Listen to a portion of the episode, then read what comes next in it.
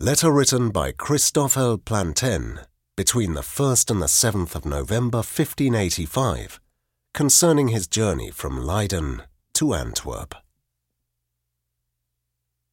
To his most illustrious lordship, Benedictus Arias Montanus, Doctor of Sacred Theology and Chaplain to His Majesty.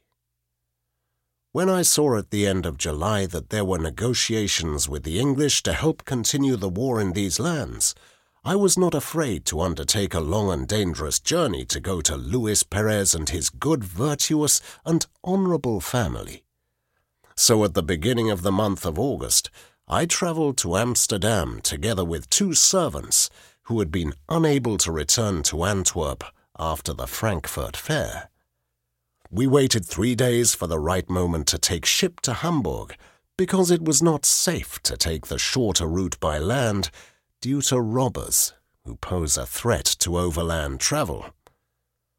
The ship which we had boarded on a Monday afternoon weighed anchor at the fourth hour, well furnished with guns and other warlike gear, and furnished with mariners and men.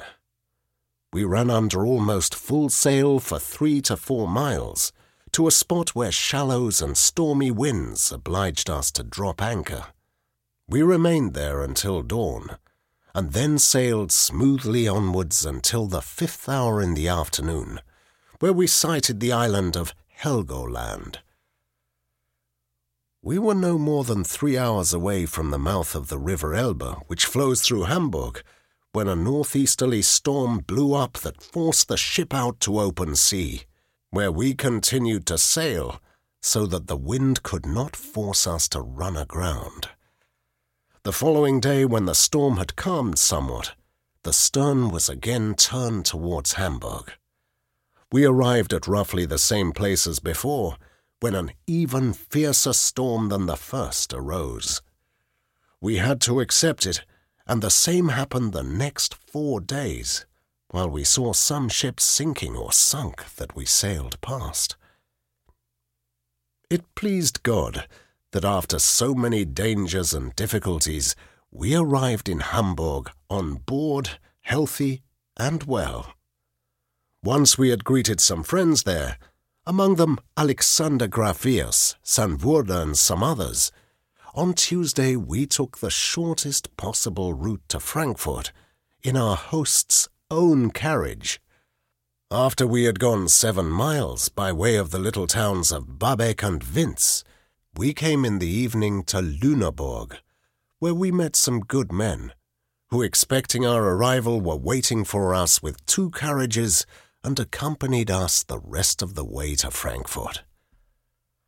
On Wednesday we assembled and left Lüneburg, travelling by way of the town of Ulfen, and arriving after six miles at the village of Hanspitte. On Thursday, we reached the town of Gefhuren, and six miles further, Brunswick. There two other carriages joined us, and after travelling through the village of Gemmershaus, we arrived in the town of Sessen, which is seven miles from Brunswick. The following Sunday, we passed the villages Immershuisen and Northeim, covering six miles and arriving in Haast.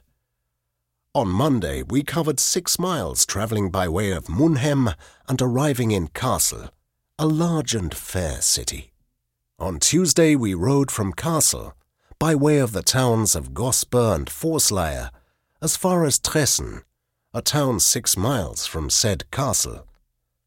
From there our route went by the fortress Amalburg and the little town of Kirchenen, to Gießen, a walled city on the edge of Hessian territory. The following day we travelled from there further through Ponsbach and Freiberg and arrived in Frankfurt. I wrote to Antwerp of our arrival there and to Cologne to Luis Perez, who in a very cheerful letter invited me to visit, for he thought soon to travel to Antwerp. I therefore left the book fair behind me and hastened to him but in vain. No courage or possibility for the journey could be found. This lasted until our friends returned from the book fair, Abraham Ortelius being among them. Meantime, I had received your much expected letter from your earthly paradise, dated 18th of July, and addressed to Leyden.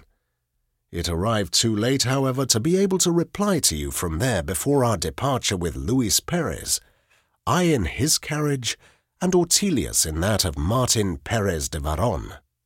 Our other companions accompanied us, many of them on foot. There were about thirty carriages with us, convoyed by soldiers. So great is the difficulty and danger in all parts of the journey, due to the prowling soldiers and robbers. Having overcome all the problems, we arrived in Leuven by way of Liège, where we were hospitably received by Livinius Torrentius, and there we were greeted by our friends among the doctors of theology and others.